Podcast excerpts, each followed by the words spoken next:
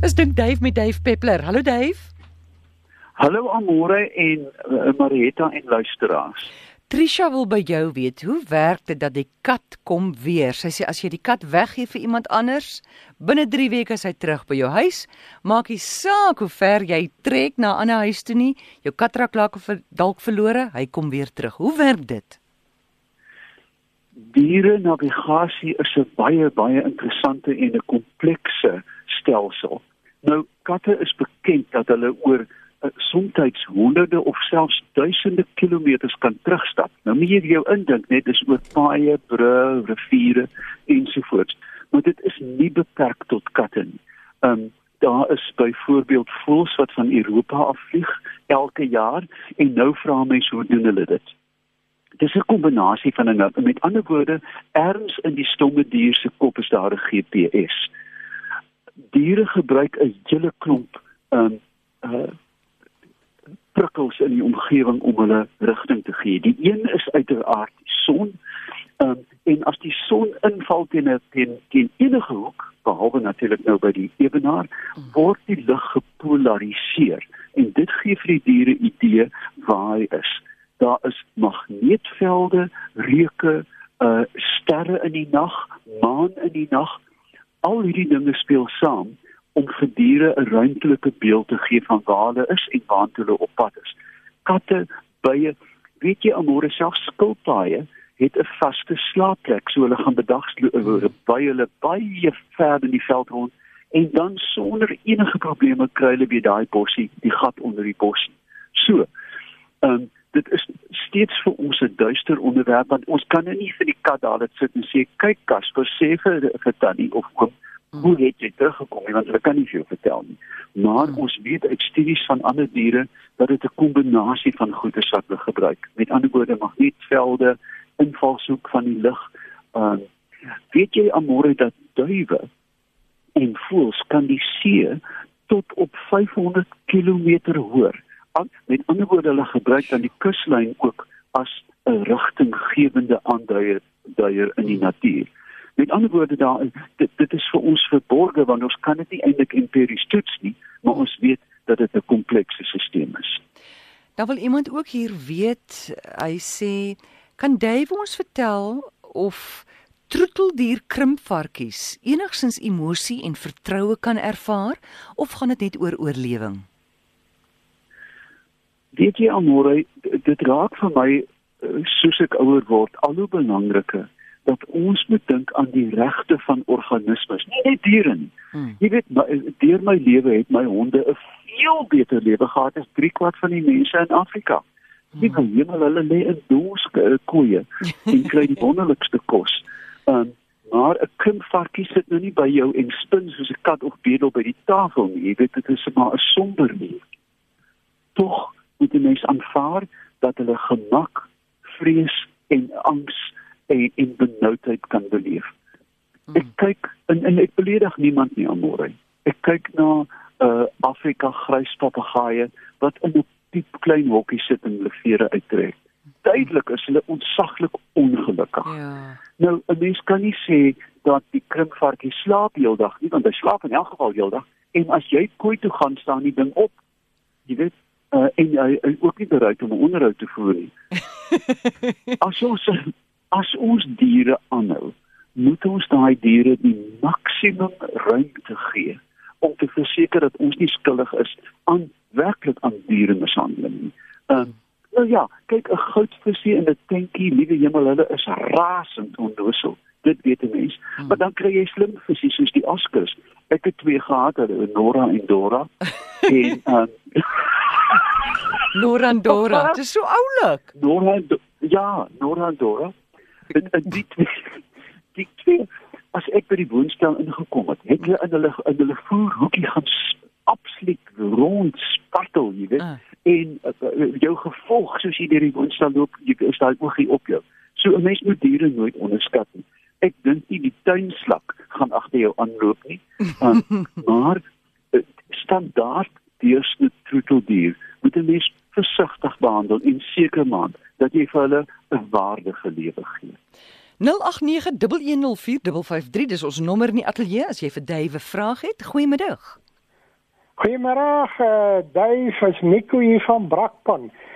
Ag, Dave, jy weet uh, uh, ek ek weet nie maar ek dink die hele land het die probleem met hierdie uh uh duwe die die vliegduwe wat afdwaal en dan vermeerder hulle hulle jy weet hulle bemors die dakke en ons het daal van hierdie uh flitsse flitsende goed op die dakke maar af dit werk net nie. Is daar 'n manier om van hierdie goed uh weg te kry of ontslae te raak? Ek luister sommer by die radio.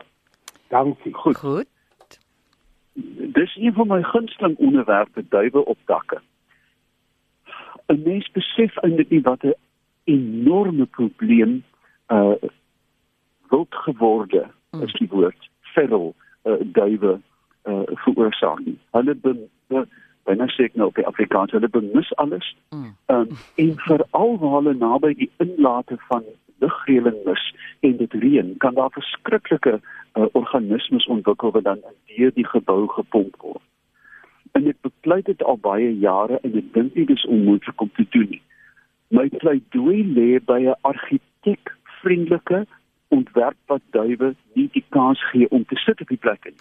'n Vensterbank teen die hoek van 45 grade kan geen duif opsit nie. Ons bou alles plank, né? Mm. Kyk die Afrikaner hou van goed wat netjies in gevee en plank is. Mm ons moet kyk na waar ons uh, byvoorbeeld uh, 'n uh, afdak bou. Is daar plekke waar duwe kan sit en vra vir die argitek en sê maak dit onmoontlik vir die ding om daar te sit. En ja. dit is die enigste manier. Tensy jy nou met 'n windpiks loop en vir die res van jou lewe wil duwe pastei eet. Um, wat nie onaardig is nie, maar um, ons moet hulle fisies weghou. Daar is 'n hele klomp uh, sogenaamde suksesvolle metodes die flitsende liggies dan is daar taai goed wat jy aansmeer en spykertjies in die hemel die duiwe gebruik die spykertjies as 'n kunsboom en bou hulle neste bo op hulle lag hulle byna dood as 'n duif nou kan lag hmm. die enigste manier is om hulle uit te sluit met ander woorde um, met met hoë geboue in die stad alle alle um, luisies wat jy op kan sit, maak dit teen op op 'n hoek wat hulle kan afgly. Sit teflon. Mens kan seker 'n stukkie teflon dat die ding kan afgly. Nee, maar dan sit um, hy vas. Teflon wat jy mos vassit. O nee, ek dink nou aan Nee, nee teflon dit is hy ding in jou pan wat die eiers laat rond. Jammer, ek dink nou aan um, daai wat noem jy daai goed wat ehm um, wat jy altyd sê kry ons uit die natuur uit daai wenk van die twee goed wat vassit aan mekaar. O uh, uh, ja, klitse. Klitse, klitsgras. Ja, skies ja. tog, skies tog daai. Ja, mens kan natuurlik klitsgras en sit die duif vas dan kan jy hom gaan afhaal, maar um, die groot ding is om te verseker dat die ding nie gaan sit nie. Um, en dan, dan soos altyd word dit iemand anders se probleem. Maar um, dit sal 'n probleem bly. Jare gelede het ek hier by 'n groot wynmakery um het hulle uh, probleme gehad met duwe onder 8 hektaar dak ek het in die in, vir die wagte 'n kragtige windpiks en 'n fliks gegee en vir jare was daar duifpastei op hier by die restaurant. Ehm um, so, regtig? Een van twee dinge. Ja, ek is dood ernstig. Ja. Ehm um, ek weet dit is 'n lekker vleisie daai borsie. Ja. Ehm um, ja nee, dis kyk die die Europeërs is mos mal oor hulle die, die die wood pigeon wat die woodies noem. Mm. Nou as jy dan in Frankryk sit teen 'n loomrivier uh, met sulke halfmaan oë na 'n glas wyn en hulle bring vir jou dan so 'n bakkie met 'n met 'n wood pigeon in met cinema 'n bietjie mosterd mm. en suurlemoen Moet dan eet jy dan vorentoe. Goeie Dave. Dit's anders. Dis nou internasionale plastiekvrye maand, né? Nee, Julie maand. Ja. Ek lees nou eendag hulle sê as jy jy weet daar's kleefplastiek is so oor baie groente en vrugte. Hulle sê as jy nou goed eet wat te veel blootgestel is aan kleefplastiek kan jy kanker kry oor 20 jaar van nou. Hoe werk dit? Kyk, ek is nie 'n chemikus nie, maar ek wil luisteraars vra om terug te kyk by die potgoeie van hoe verklaar jy dit? Waar professor Janie Hofmeyer presies uit, uitgeklaar het watter materiaal veilig en watter nie veilig in 'n mikro. Wie wat ek sal doen? Mm. Ek sal die pot gooi op my webwerf sit ja. dat mense daarna kan kyk. Um, as jy enige iets wil warm maak in in die mikrogolfoond, doen jy jouself en jou hele omgewing 'n groot ongunst deur dit in plastiek. Jy moet dit doen in porselein, 'n ding met 'n deksel op. Daar is verskriklike dinge in in plastiek, soos ek sê, ek is nie 'n chemikus nie en van hierdie middels is bewese karsinogene. So, ek dink die goue reël is vermy plastiek so ver as mm. moontlik in die mikrogolfoond. Um uh, dit is wel goed om dit te stoor in die yskas, jy weet want dan is dit onaktief. Maar ek sou vir ek sou met professor Hofman in aanraking kom met potgooi gaan uitgrawe. Ja. En ek dink jou luisteraars sal met groot belangstelling daarna luister. Iemand sê hier gerolde oogiestraat help ook vir nesmaakplekke van duwe. Uh, help dit om hulle te laat nesmaak? Nee nee. nee om hulle weg te hou. Weg te hou ja. Ja, uh, ek ek dink ja, kyk as die as die rol groot genoeg is, nou moet jy ook die estetiese daarvan in ag neem. Here, as jy dan aankom na die huis toe en elke vensterbank het 'n rol oogiestraat op, dan gaan dit dan baie na plakkerskant lyk. So, um, ek dink elke elke nis het sy eie soortige oplossing. Um met ander woorde, ek ek dink mens moet dit benader met kundigheid. Jy kan nie sê oogiestraat dit dit gaan nie oral werk nie. Ek dink dit is 'n baie interessante wenk. Mm. Maar um reg van die begin af as jy nou beplan om 'n huis te bou, sê vir jou argitek as hy so sout raak is, bou die plek sodat die duwe nie op die ding op enige plek kan sit. Mm. Wonderlik. Baie dankie Dave, dis Dave Peppler en besoek gerus sy Facebookblad.